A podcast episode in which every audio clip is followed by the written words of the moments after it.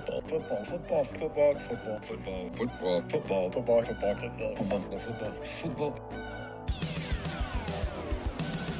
It's the football, football, football, and sometimes other sport show. Here's your host, AJ Nicoletti. What up?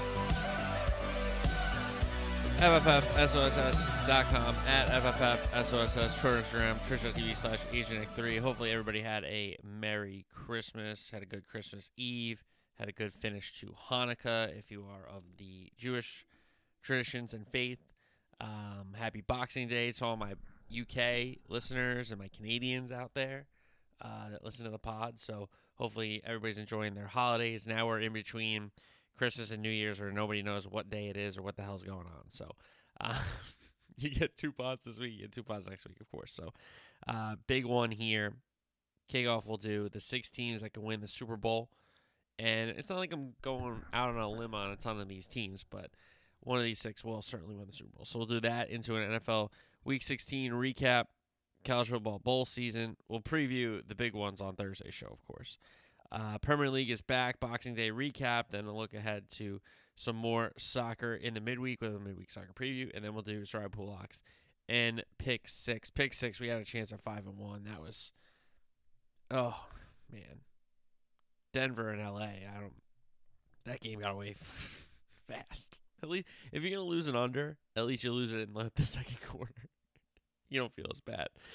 Um, so that will be the program. The six teams that can win Super Bowl 57, NFL Week 16 recap, college football bowl season, Premier League Boxing Day recap, midweek soccer preview, star pool locks, and pick six. Again, happy holidays, everybody. As we look to close out 2022, we look ahead to 2023. We'll do that on Thursday's show.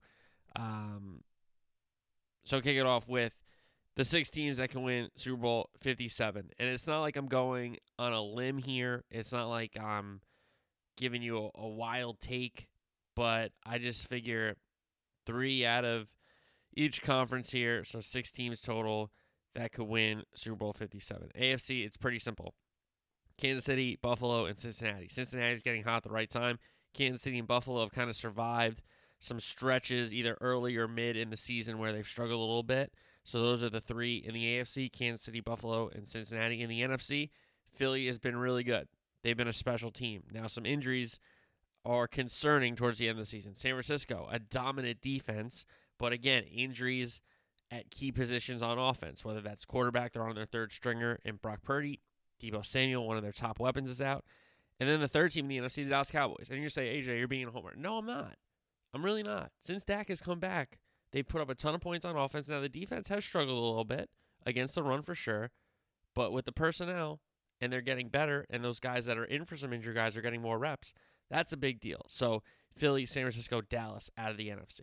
We can take a look at each team here a little deeper. Kansas City, obviously experienced. Mahomes is the ultimate equalizer, and Kelce's been fantastic in the absence of Tyreek Hill. And you have to give credit to the wide receivers and the running backs that have stepped up in the absence of their big playmaker, Tyreek Hill. I mean, Pacheco is getting it done in the backfield, taking the number 10 little soccer there.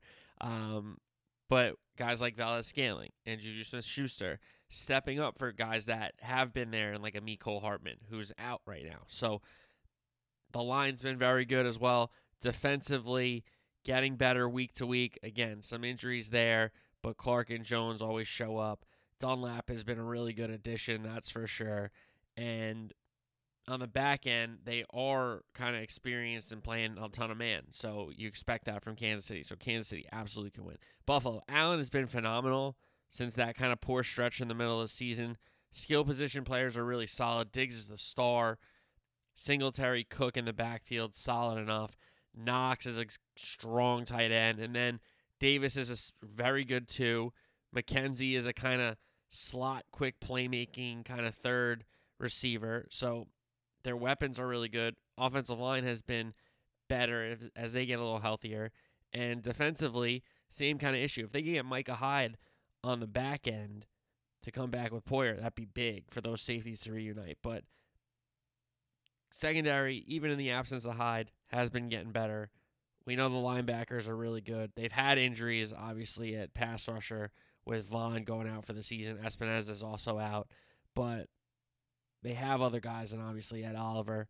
So Buffalo, fantastic, fantastic team, and they are certainly in contention to take home the Lombardi. Cincinnati got there last year. Seems like they've answered the bell rather than the Rams, who stunk um, after winning the Super Bowl. Cincinnati loses the Super Bowl, and look where they are. They are playing some of the best ball across the league right now. When you look across the contending kind of team, Cincinnati is playing some really good ball. And don't forget, they beat Kansas City. So, Jason Mixon getting healthy, Burrow finding his form again. He's so good in the big moments. He did it at LSU. He's done it so far in Cincinnati. And in big moments, he steps up. Towards the end of the season, he steps up. He's done it at every level he's been at. He's been fantastic. Yes, they lose Collins, which is a big deal. But the line had been, I don't want to say hit or miss. They've been turning the corner and playing better, that's for sure. So, offensively, fine. Chase and Mixon getting healthy is gigantic for them. Defense, we know the line is really good. Okay. Um, Hubbard needs to be healthy. Henderson has to be healthy. Hill and Reed have been awesome. Reed has been awesome. Um, and the safeties are the stars of the defense. Bell and Bates. So Cincinnati, excellent team. So the three AFC teams, pretty obvious. Kansas City, Buffalo, Cincinnati. Go to the NFC. Philly's running game, especially when Hurts is playing and is in there, is elite. It really is. Um, Sanders, I know he had a couple fumbles and a couple issues with the ball. Fine. Him, Gainwell, Scott, they can go one, two, three, run the ball effectively. Hurts, obviously, we know can run the ball effectively and is a weapon in the red zone to just score on any opportunity he gets. It's a top wide receiver duo, in A.J. Brown and, and Devonta Smith. And Watkins is a good third, and Dallas Goedert is a strong tight end as he gets a little bit uh, healthier and healthier as the weeks go by. Defensive line is the top unit uh, on that defense. The DBs are playmakers and household names. So Gardner Johnson's been hurt. That's been a big issue for them. Um, and they are playmakers when they get the balls in their hands. Linebackers have gotten better from last year, that's for sure, but they've had some injuries there as well. So Philly, if they can get healthy, they can absolutely win this whole thing. And I think they could win it without 100% because they're going to lose some guys. They I think they've lost. Lane Johnson's going to be out for – possibly into the postseason now, which is a big deal at tackle. And they do have some injuries on defense as well. Maddox just got hurt again in the in the Cowboy game as well. So that's the Philly story. If they can get healthy and continue to do what they're doing, look out. San Francisco, it's a top defense. It's probably the top defense in the league. Bosa, Warner, Greenlaw, um, Armstead, they're outstanding players. Uh, Hufanga on the back end has just moved into that safety position and just has taken off and exploded as a young player on that defense. And then we talk often about the offense, and yes, Deebo Samuel being out is a concern. He is their best offensive playmaker. There's no doubt about it. But you get McCaffrey, and all of a sudden you have a 1B to your 1A. Aiyuk's gotten better. Jennings has come along as another receiver. Kittle all of a sudden has become a target again.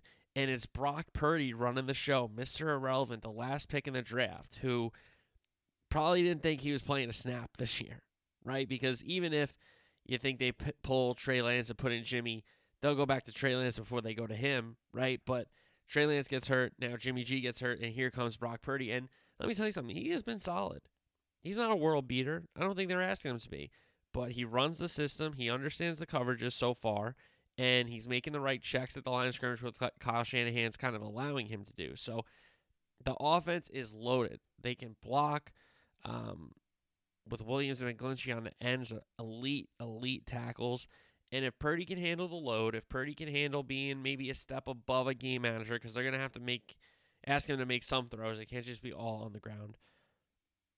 They certainly can win a Super Bowl with their third string quarterback the defense is that good and offensively with the game plans they, they can come up with with the personnel they have, especially if they do get a Deebo Samuel back, is scary to think about, even with a third string quarterback.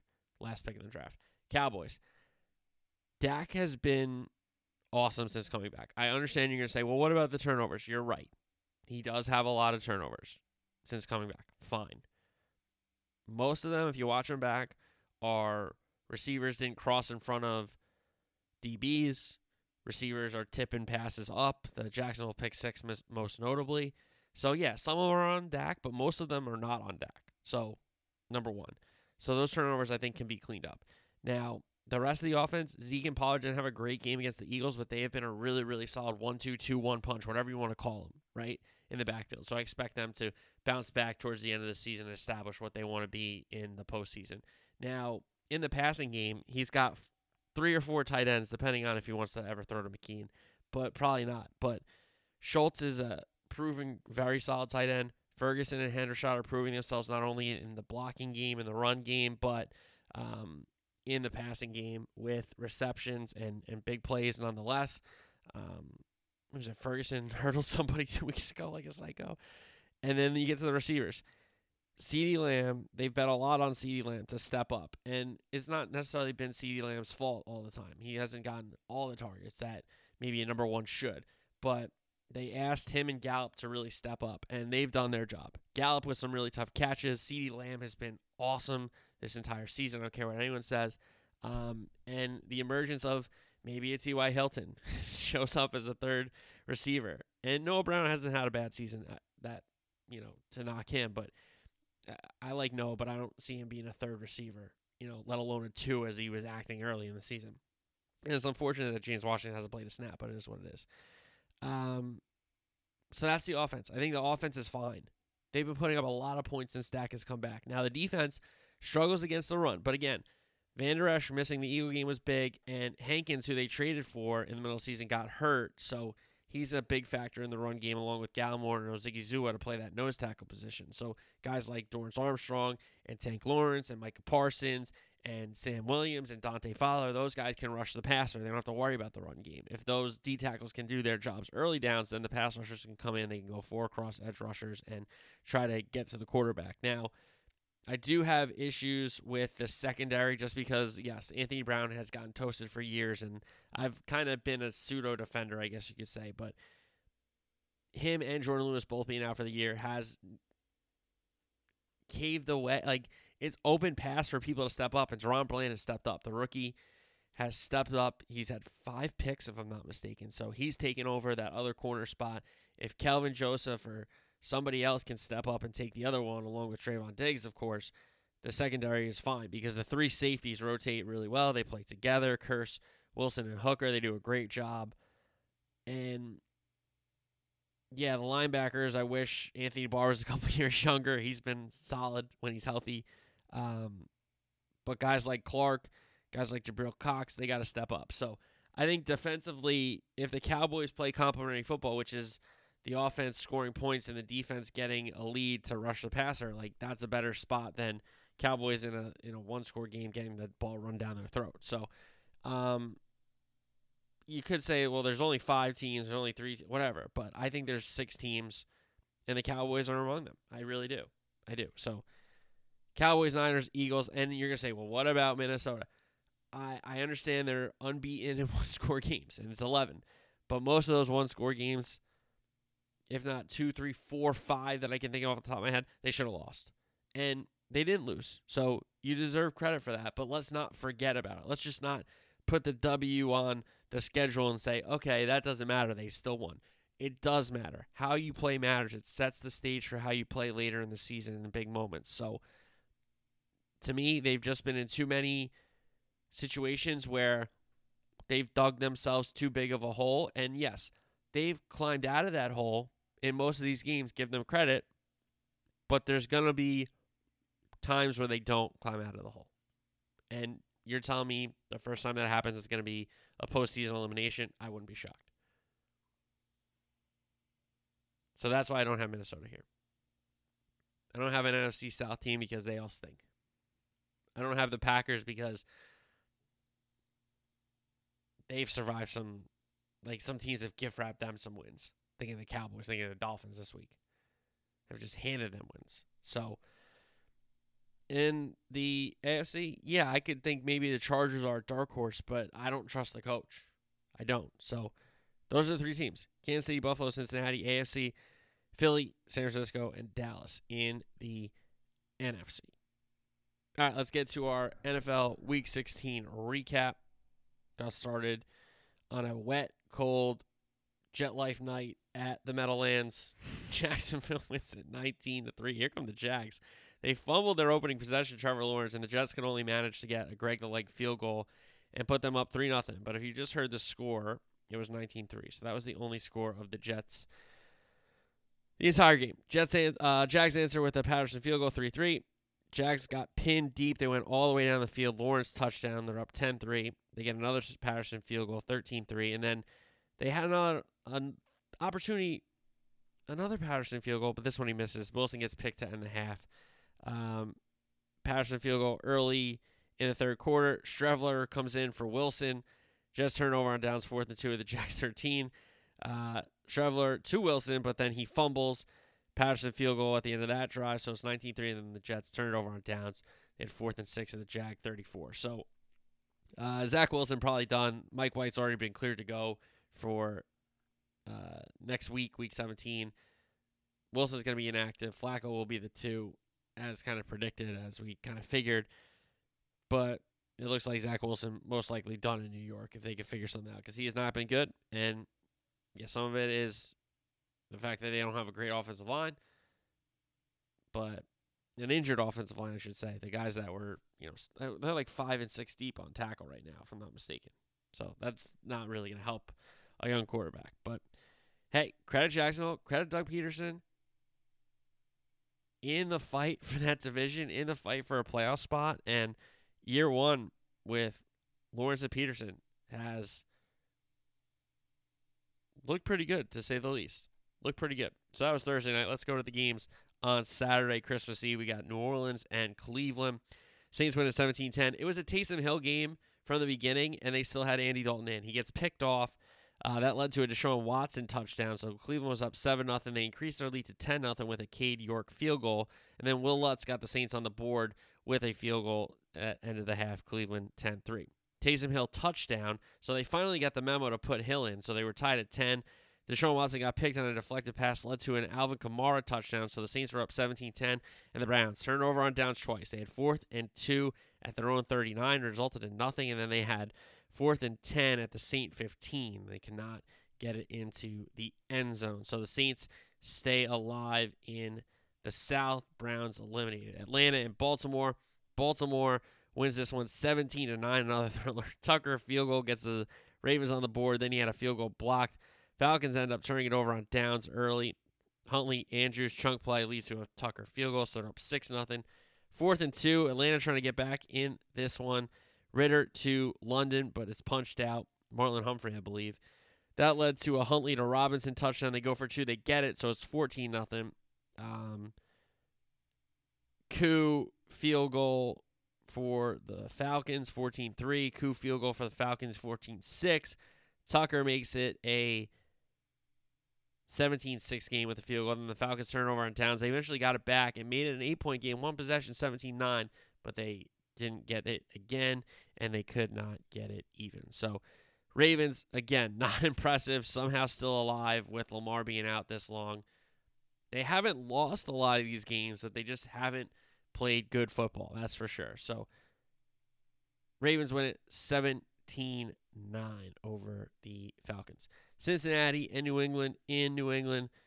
Bengals win it 22 18. And when I tell you this game was 22 nothing with the Bengals in control and it got to 22 18 and the Pats were driving to win the game, that happened because this was cruise control for the Bengals and they blew it. So we start with a Burrow to Higgins touchdown.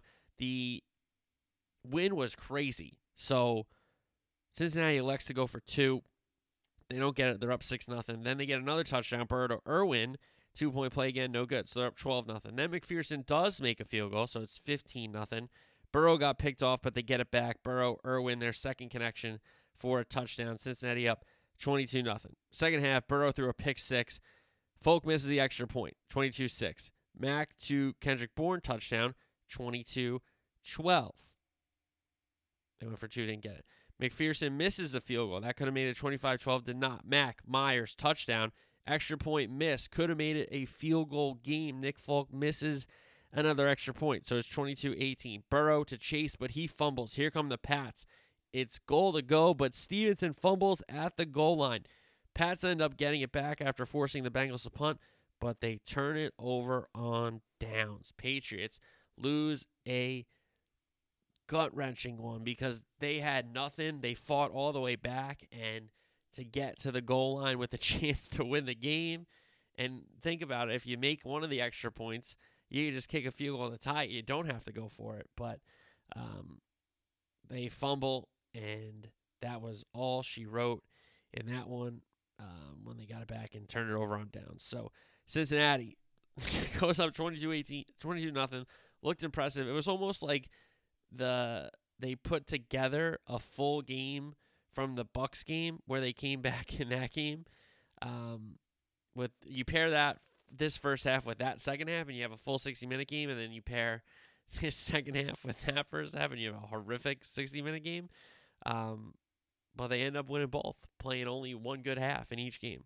Pretty crazy. Sign of a good team. Cincinnati wins it 22 to 18. Then we have Buffalo in Chicago. Bills win this one 35 13. Fields to Pettis open up the scoring with that touchdown. Josh Allen hit Gabe Davis for a touchdown. Extra point was no good, so the Bears keep their lead. It's a one point lead, 7 6. Then they turn it over on downs, but Josh Allen gets picked off. It leads to a Santos field goal. Bears increase the lead to 10 to 6. Bass misses a field goal. Bass misses another field goal. That one ended the half. But here come Buffalo. Singletary touchdown, two point play good. So they're up 14 10. Montgomery then fumbled, and it was a Cook touchdown run for the Bills. Two point play is good, but it comes back on a legal shift. They make the extra point 21 10. Allen to Davis when they got it back, but he fumbles. Bears end up turning it over on downs, but Allen gives it back on a pick. Leads to a Santos field goal. Bears only down 8, 21 13. But Josh Allen around the end, touchdown, great run. He shows some speed and strength to get to the pylon. 28 13. Then the Bears turn it over on downs. Allen Knox touchdown. He finds the tight end for a uh, to increase the lead to 35 13. Then Fields gets picked off later in the game. So the Bills get a big road win. Bears do what they kind of been doing, fighting in some of these games, but just not enough. Giants, Vikings. Vikings win this one 27 24. Cousins to Hockenson touchdown opened up the scoring. Then Jones to Bellinger, but he fumbles. That set up a Joseph field goal. 10 0 Vikings, but the Giants get on the board. Jones to Hodgins, touchdown.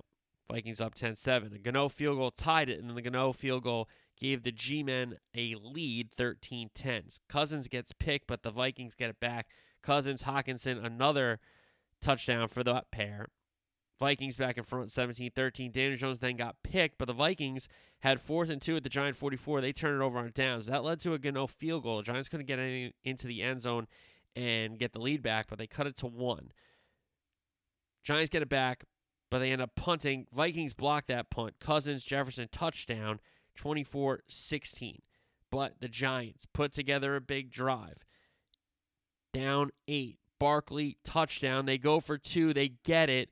24 24. But the Vikings have some time. No timeouts.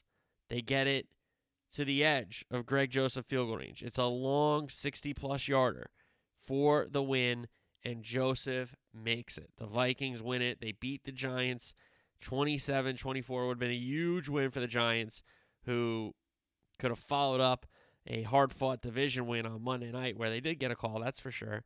Um, or Sunday night, sorry, where they did get a call, but they do not get to overtime. It's Joseph's right foot that gives the Vikings the victory 27 24. Lions, Panthers.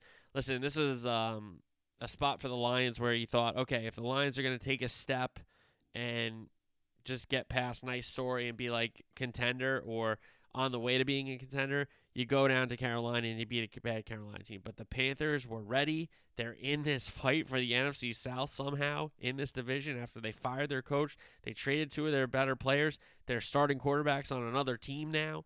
Okay.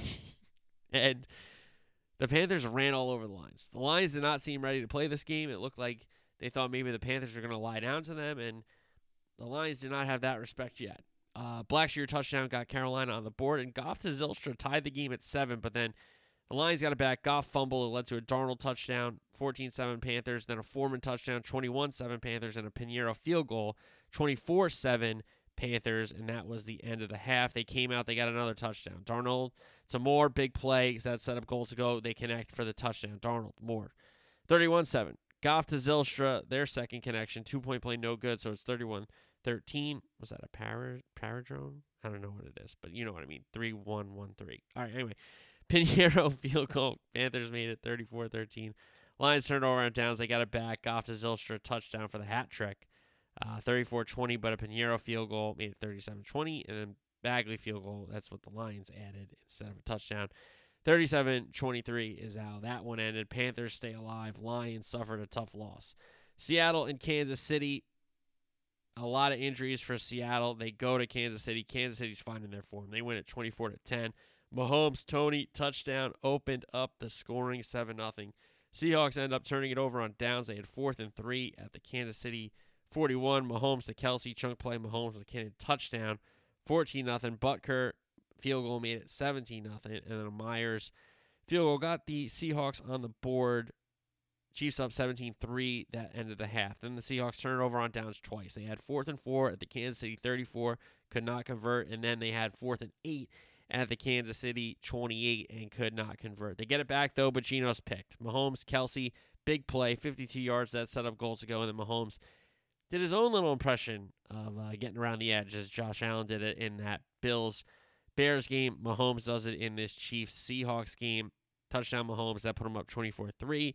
Geno hits Noah Fant to make it a 14 point game.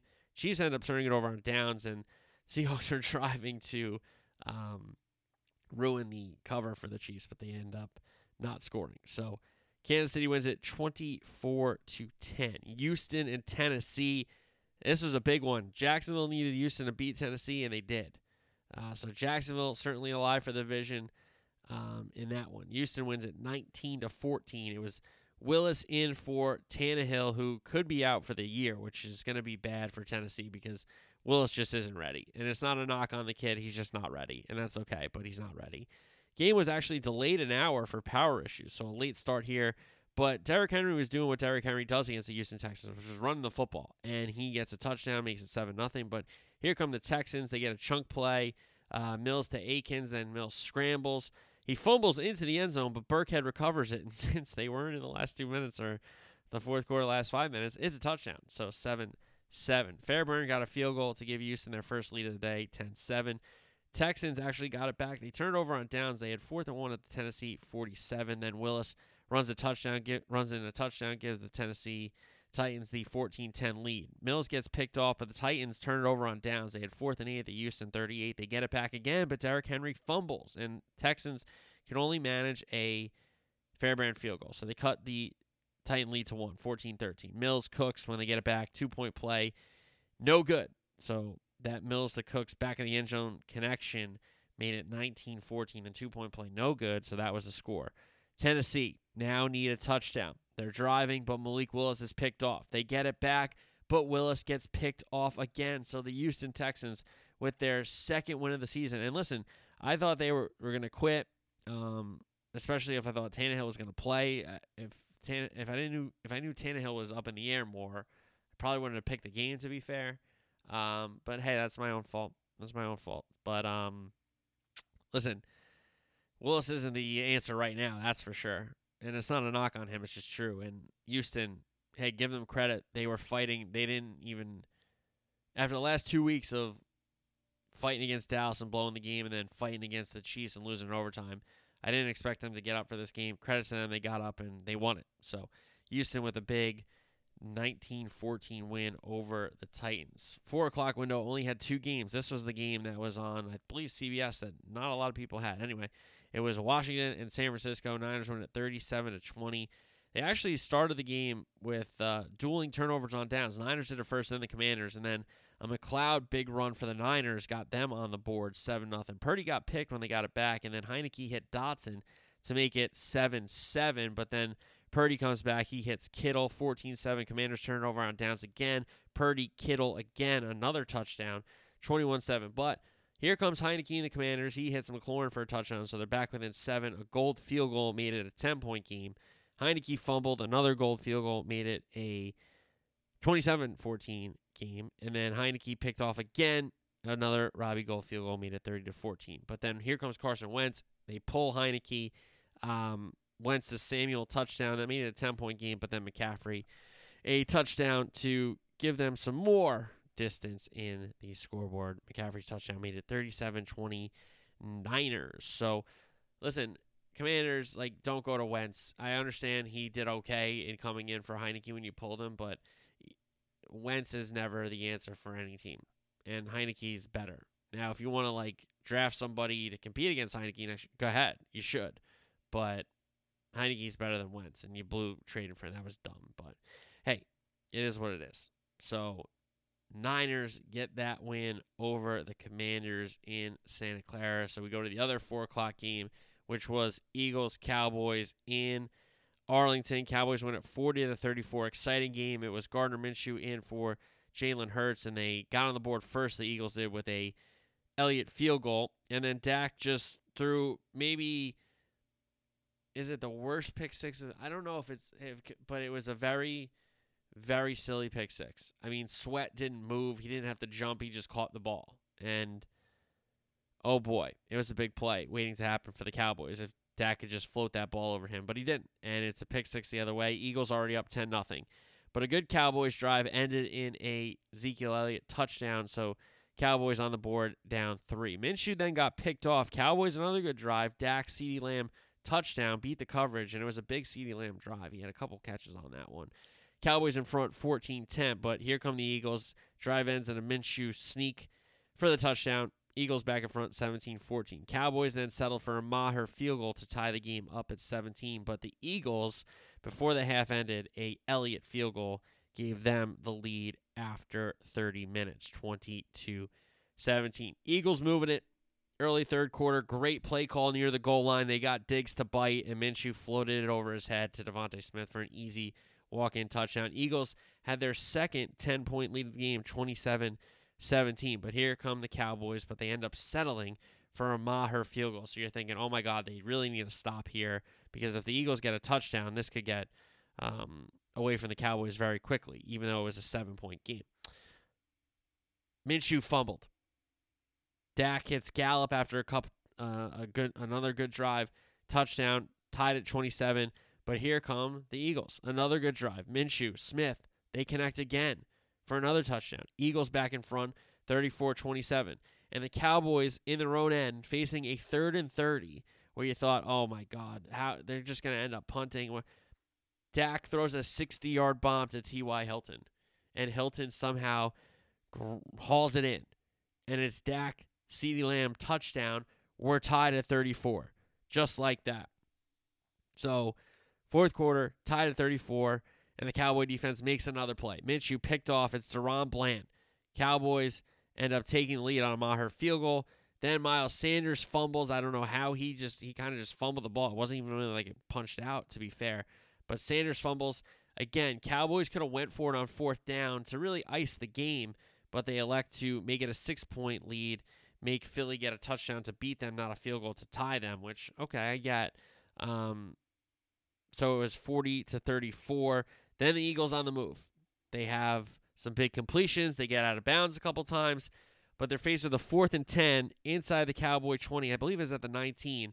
And the pass rush gets in, and Minshew has to roll out and just float it to the end zone.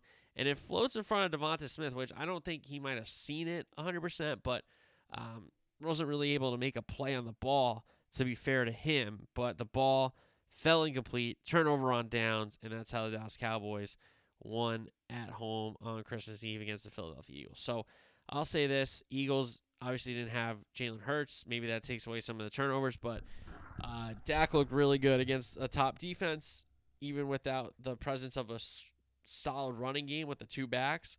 Uh, Cowboy defense got some turnovers. Yeah, you're going to give up points to a really good uh, team, even with Gardner Minshew, who's one of the top backups in this league. I've been saying that for since he's kind of come in and showed that he can play at this level um, when he was playing with Jacksonville that year.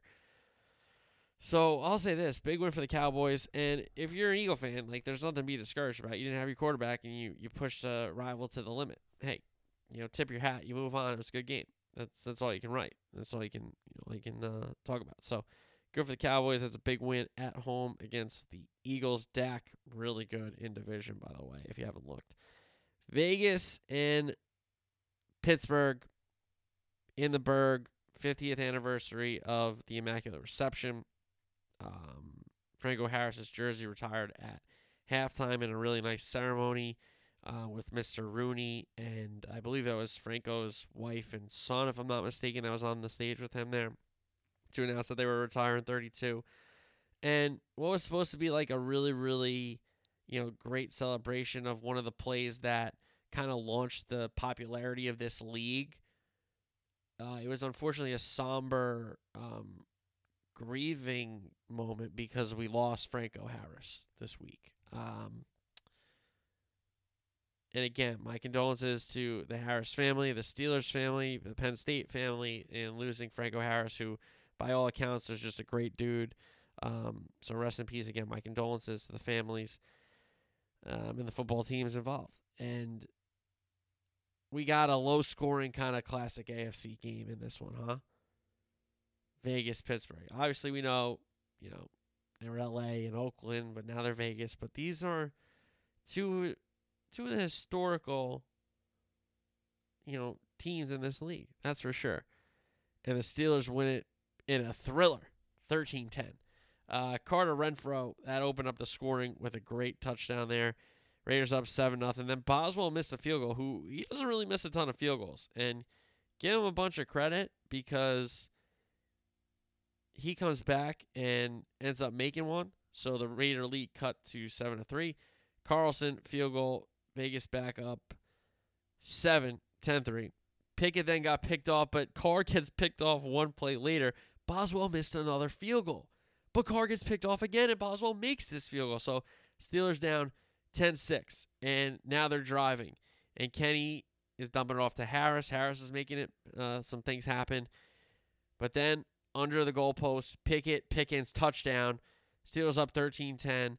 And then Carr picked a third time. He had three picks in the second half. That's just horrendous. Horrendous offense from the Raiders and the Steelers somehow stay alive in that one.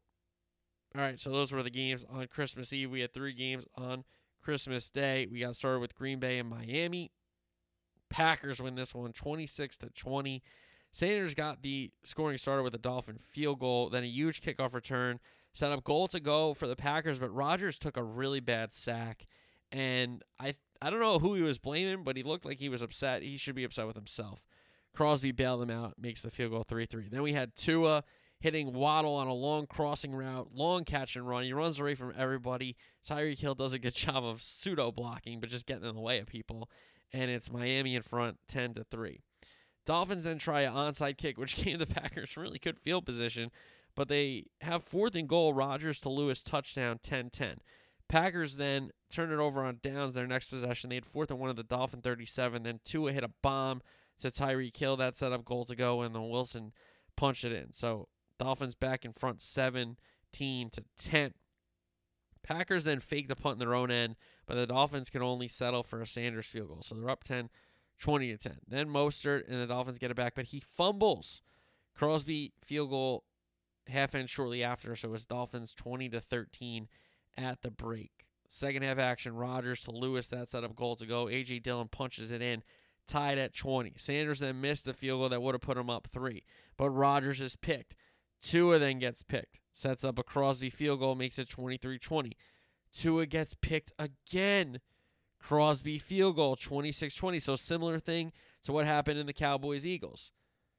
Cowboys and Packers did the kind of same thing with just adding field goals there and not trying to end the game with a score or a conversion. But then Tua and the Dolphins, he throws another pick. Three straight drives, three picks. Another drive in the half was a Sanders missed field goal. So no points in the second half for the Dolphins. Their losing streak continues, and it's a bad skid at an important time of the season, and it's tough for Dolphins fans. And I understand Tua hasn't been 100%. I understand there's been other injuries at other positions, that's sure, but every team has that. Every team has that. You can't complain about injuries at this stage. And hey, give the Packers credit. They stay alive. They stay alive, even though I don't think they're a really good football team. But this is what happens with, you know, I'll get to Brady in a second, but vet, veteran quarterbacks like Rodgers and Brady, you can't let them hang around and be within two possessions going into the third and fourth quarter because if your offense isn't going to continue to score and you're not going to increase the the lead, you're just letting these guys hang around and try to figure it out. And if they need two scores and there's only two possessions left, like how many times have we seen Rodgers and Brady do that? And they do it often. So that's a bad loss by the Dolphins. Credit the Packers. I, I don't want to like be like, you don't want to play the Packers right now. I don't want to say that because it's too early for that. If they win out and get in and they actually like play really well and win out, like they should have lost this game. If Tua doesn't throw three picks in the second half, if they score a couple times, like it's a but hey, that that didn't happen, and the Packers won it. So give them credit. Packers stay alive. Middle game on Christmas Day, Broncos Rams. I thought this was going to be like first to 10 wins. Well, it was first to 10 wins, but the Rams had it really really fast. They end up winning it 51 to 14. Matt Gay got the Rams on the board with a field goal. Russ got picked off. Bake, Higbee, touchdown. Rams up 10 nothing. Russ got picked again. It led to a Cam Akers touchdown, and just like that, you look down. If you if you missed the start of this game for dinner, it was 17 nothing before you could blink. McManus field goal got the Broncos on the board, but Bake comes right back. He hits Higbee for another touchdown pass. So it's 24 3. And then just like that, Akers gets into the end zone again. And it's Rams 31 3. McManus gets a second field goal for the Broncos. So he cuts the deficit to 31 6, but it was 31 6 at the half. And then to come out in the third quarter, you think, okay, Broncos, you know, maybe you, you make it 31 14, you make it 31 13, you make it a little interesting because teams have come back. We've seen it in this season. But Russ picked off, leads to a Gay field goal. The Rams get it back. Akers scores a touchdown. Russ finally gets the Broncos in the end zone to Dulcich on a touchdown pass. So it's 41 14, but then another Gay field goal. And then they put in Rypien. So they pulled Russ. Rypien goes in and he throws a pick six, a long pick six. So Rams 51 14. And the news on Monday was that Hackett fired, did not finish the season. He was 4 and 11. Um, and you got to think guys like Dan Quinn, guys like um, even Kellen Moore, and the other head coaching candidates that did not get the Denver job. now, you know, who's to say somebody can go in there and turn around? Who knows? Uh, you got to think Sean Payton is going to get a bunch of money thrown at him because the Waltons have so much money. Um, but we'll see. We'll see. So Hackett fired, um, joins Rhule and Reich as some fired coaches in the NFL this season. We wrap Christmas night up with Tampa and Arizona. It goes to overtime in the desert, and the Bucks stay alive in their division uh, hunt in that South. They win it 19-16 in overtime. DPI got it going for the Bucks. They settle for a Succop field goal, so they're up three nothing.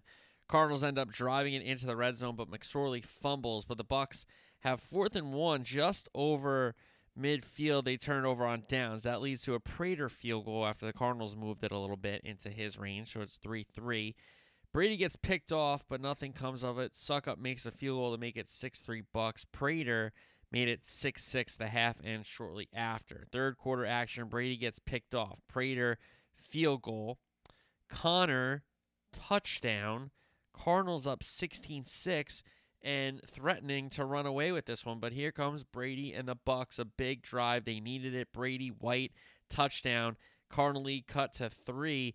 Then a bad toss by McSorley, a fumble, and the Bucks could not get in the end zone, but they tie the game with a Succop field goal, 16-16. Then McSorley gets picked on a hail mary to end regulation. Not a big deal, but that's just how regulation ended. So we go to overtime. Cardinals end up punting. Brady gets into field goal range and Succop keeps the Bucks alive with a big game-winning field goal. Bucks win it 19-16 on Sunday night. They stay alive. Let's go to Monday night in Indianapolis. It was Chargers Colts. Chargers win it 20 to 3. They clinch a playoff spot. It was Nick Foles in for Jeff Saturday's Colts. He was picked off early, but then Herbert is picked. It was deflected only a few plays later, but then Foles gives it right back on another interception. Chargers finally get it going with a Herbert, um, some completions to Allen, completions to Williams, drive ends, in an Ekeler touchdown. Chargers up 7 0. Colts move it. They get a McLaughlin field goal but that was all they scored on the night. They made it 7 3. They never scored after that. Herbert drove the Chargers into the red zone. Settled for a short Dicker field goal is 10 3. The half ended with that field goal. Foles then picked off again third quarter. Herbert to Allen converts a fourth down. They stall again. Another short Dicker field goal made it 13 3. Then Colts get a little bit of life. Herbert sacked. Ball comes out. Colts recover. But then on a fourth and one at the start of the fourth quarter, they're stuffed and turn it over on downs. Foles got stuffed on the sneak. Chargers go right down the field. Ekeler into the end zone for the second time on the ground for the game. 20 to 3 at that point for the Chargers. That's how it stayed because the Colts turned it over on downs. Back to back drive. So, Colts, not a good team. We told you they're not a good team. The Jeff Saturday thing isn't working, but whatever. They can't block. They gave up seven sacks tonight. Uh, Khalil Mack had a big game. Kyle Van Noy had a big game. So that Charger defense was humming. Derwin James got thrown out for a helmet to helmet. So even without their all pro star safety, they still played a pretty good game. So that is all she wrote from Monday Night Football and Indy. Chargers win it 20 to 3. They clinch a playoff spot. And again, as I alluded to earlier, I just don't really trust their coach. That's why I didn't put them in the segment uh, in the kickoff segment to start the show. The six teams to that, that can win the Super Bowl. It wasn't a seventh team on purpose. Uh, but the Chargers win this one on Monday night. So that's all for week 16. All right, pros to the student athletes. Remember, we'll do our college football playoff semifinal preview on Thursday's show. We'll go into the matchups, the big stars of Michigan, TCU, and Georgia and Ohio State in the college football playoff semifinals. Uh, bowl games happening last week. Armed Forces Bowl. Air Force beats Baylor, so credit to Air Force. They beat it. They beat the Bears 30 to 15. Then the Gasparilla Bowl. It was Wake over Mizzou, two teams that were black gold, black yellow. Wake beat them 27-17. We got a couple of games to look forward early this week. We got the Guaranteed Rate Bowl Wisconsin and Oklahoma State. We got the Military Bowl at Central Florida and Duke. Liberty Bowl, Kansas and Arkansas. Two teams that, if you remember in September and October, a lot of people were talking about these teams, being excited about them. Um, so Kansas, Arkansas will play each other in the Liberty Bowl. Then we have the Holiday Bowl, Oregon, UNC. Oregon, that's a tough fall from grace. You know, you got to think they would be in a New Year's Six had they taken care of business. Um, and not just lost a couple games down the stretch like they should not have. So Oregon, UNC in the Holiday Bowl. Then we have Texas Tech and Ole Miss in the Texas Bowl. So I'm sure a uh, good crowd there is Mississippi, not that far from Texas, as we know. So uh, Tech and Ole Miss in the Texas Bowl. Let's go to footy. The Prem is back. Boxing Day recap got started with Brentford, Tottenham, London Derby. Janelt at the back post made it 1 0 Brentford, and then Toney finishes one off at the goal mouth to make it 2 0. But Tottenham, we know, gets better as the game goes along, has their chances as the game goes along, and continues to fight as the game goes along. They got a goal. It was Harry Kane, and then they got an equalizer in Pierre Emile Højbjerg. Um, big, big goal for Højbjerg, and that made it 2 2 2 point split in that London Derby. We have another London Derby, Crystal Palace and Fulham. Fulham win at 3 0. It was De Cordova-Reid at the, on the end of a Mitrovic cross. Then a Mitchell straight red sent Crystal Palace down to 10 men. And then Vieira's men were down to 9 after Tomkins got a second yellow. So then Tim Ream scored his first Premier League goal for Fulham. And then Mitrovic got a goal for um, his night to cap it off. So Fulham win 3 0. Big result there. Everton Wolves. Wolves win at 2 1. Mina put the host Everton up 1 0, but then Podence equalizer, and then an Ait-Nouri stoppage time winner for Wolves. That gets them out of 20th and a big three points in that relegation battle. Then we have Leicester City and Newcastle. Newcastle now up to second. Um, as you know, teams haven't played the same amount of games, of course, but Newcastle in second, they win a 3 0. Uh, Wood penalty got them on the board. Then an Almiron goal. He's been so good this season for Newcastle. And then Joelinton header, 3 0. Leicester City disappointing at home again. You thought they were they had turned the corner, but not good enough. Then we had Southampton and Brighton. Southampton's in big trouble. Brighton win a 3 1. A Lallana goal got them started. An own goal made it 2 0. Solly March, awesome golazo, got a strike, made it 3 0. Ward Prowse had a pen save, but he scored the rebound to bring one back for Southampton. But that's how it finished. Brighton 3 1. Villa and Liverpool finished the same score at Villa Park. Liverpool win it 3 1. It was a great build up um, into play with all of a set piece gets recycled. Trent Alexander Arnold outside the foot pass to Robertson. Robertson sneaks in, plays Salah 1 0. Then they got a goal from Virgil van Dijk on a set piece, second action. Uh, Ollie Watkins brought one back for Villa, which got Villa Park all excited, but Klopp made some subs. On comes the 18 year old Bajcetic, who is going to play kind of holding midfielder, like press a little bit, but not really going to be involved in the goal scoring. But he gets his first Premier League goal. Great finish um, to pounce on a net mouth kind of scramble situation. I understand Darwin Nunez did not score in this game. He's had a lot of chances, but I will take a striker who has is getting chances and not scoring than a striker getting no chances and not scoring. Obviously, um, it's frustrating when you get chances, but it's even more frustrating when you're getting no chances. So I think Nunez will start putting the ball in the back of the net. He was really figuring out, and then we broke for the World Cup. So now we got to figure it out again. So that was 3 1. And then Arsenal beat West Ham in our third London derby of this Boxing Day. Arsenal win 3 1. It was actually West Ham who went up 1 0 from a penalty, which absolutely was a penalty. Bowen does a really brave job of not going down and flopping, and Oliver did the right thing as a ref to recognize that he was fouled. He tried to stay up, he didn't dive over to embellish it, and Oliver gave him the penalty. So Benrahma made it 1 0. Then Arsenal had a penalty claim. They actually had the ball in the net a couple times, but they had a penalty claim. Oliver gave it, but then VAR was like, no, it hit the guy's head. It wasn't a handball. So we went to the break 1 0 West Ham, if I'm not mistaken. Then Saka, Martinelli, and Nketiah, all goals for Arsenal to make it 3 1. Arsene Wenger back on the scene at the Emirates. It was good to see Wenger back in North London. Uh, it was his first appearance since uh, leaving the club four years ago. So Arsenal with a big win increase some distance between them and City until City plays. So that was the seven games of Boxing Day. We have some midweek action here with Chelsea, Bournemouth, Man U, Forest, and Leeds City to finish out this kind of midweek. Chelsea, Bournemouth. Chelsea are an interesting side because Chelsea are a side that it seems like every other player you hear about is linked to Chelsea is coming to Chelsea. So I don't know how many people they're going to have on their team. I don't know how many people they're looking to move on from, but this is uh, an interesting season for Chelsea Football Club. They have to finish top four. They have to, you know, back the new manager. They have to figure out who they're going to keep and who they're going to move on from in this January window in this summer. It's going to be a big window for Chelsea. Um, big next two windows, to be fair. So Chelsea, Bournemouth. Bournemouth have been an exciting side. They've had some um, big moments with some midfielder scoring. Obviously, Solanke has kind of found a little bit of his form. Um, so we'll see what happens with this Bournemouth side. But Chelsea at home at the bridge had some time to get the guys back into camp, find a way to get three points at home.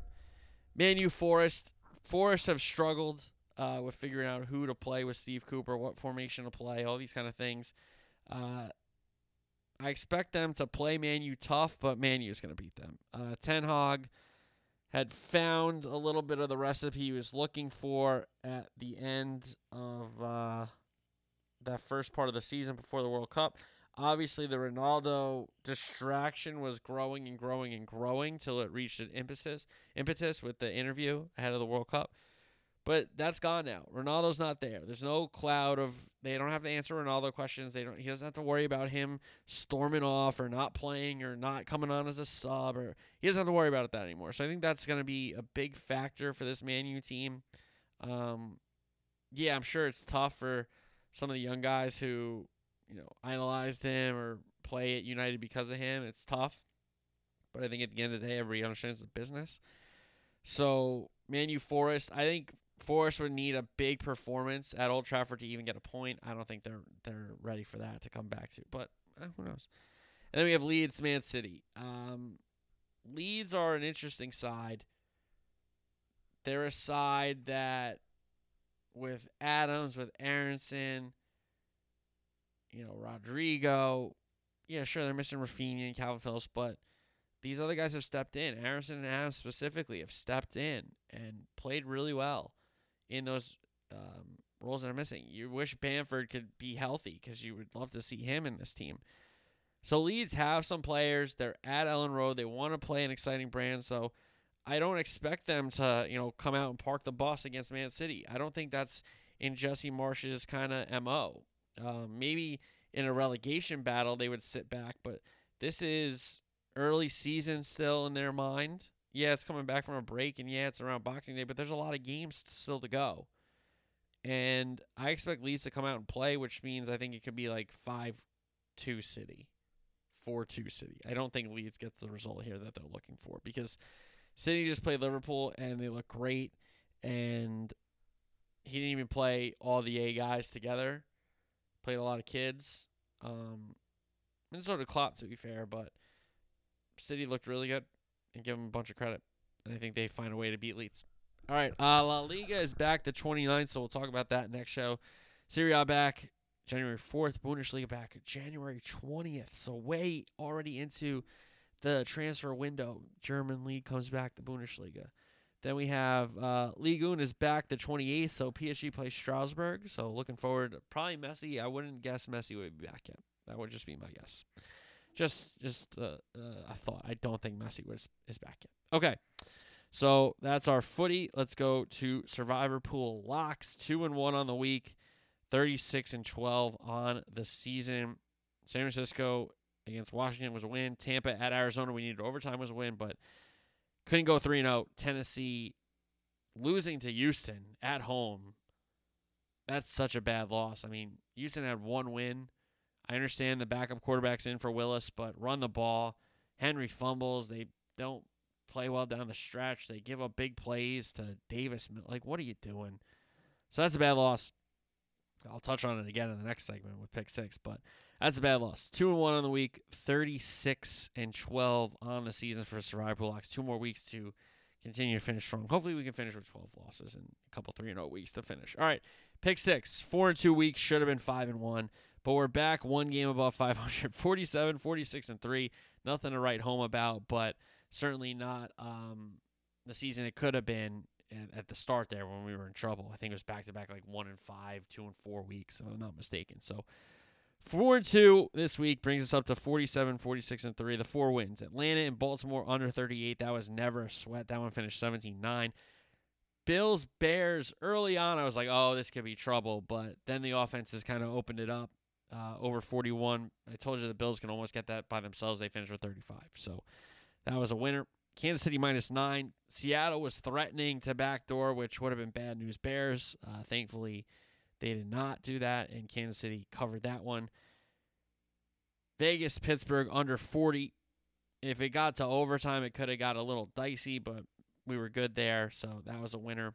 So those were the four wins. Atlanta, Baltimore under 38. Chicago, hosting the Bills. The Bears hosting the uh, Buffalo Bills there over 41. Kansas City minus nine was a winner, and then Vegas Pittsburgh under 40 was a winner of the two losses. Tennessee minus four against Houston. I thought I could outsmart them here, um, and you never can. So that was a mistake by me.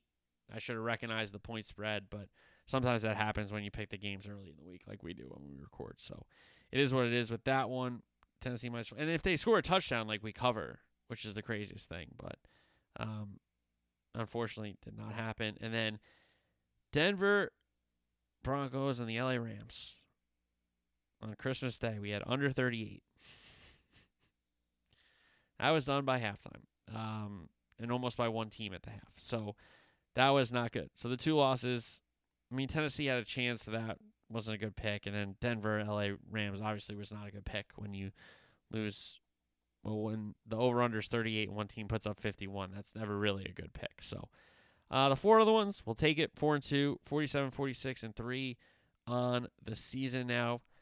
Uh, so if we can finish these last two weeks with some good weeks in Survivor Pool Locks and Pick Six, that um, brings us another productive season in that in those two segments. So we'll see. So, um, listen. Hopefully you enjoyed your Christmas. Hopefully you got all the things you uh, you wanted. Hopefully you had some good time with some fam. Um, so that was our Tuesday edition of the pod. On Thursday, we'll look ahead to NFL Week 17. We'll look ahead to more college bowls, including the college football playoff, of course, with Michigan taking on TCU and Georgia taking on Ohio State. Could you imagine if we get an Ohio State Michigan title game? Oh my God. Could you imagine if we get an Ohio State Michigan title game?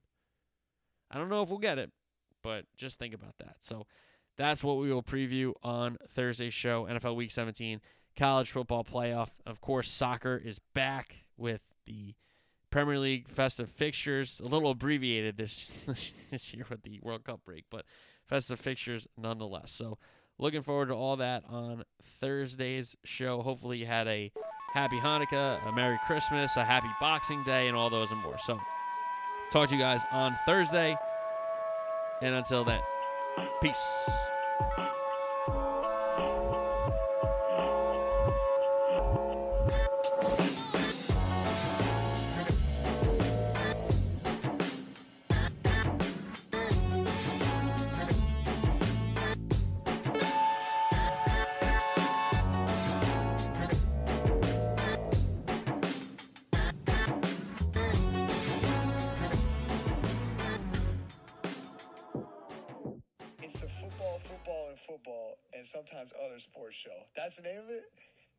Check out his podcast.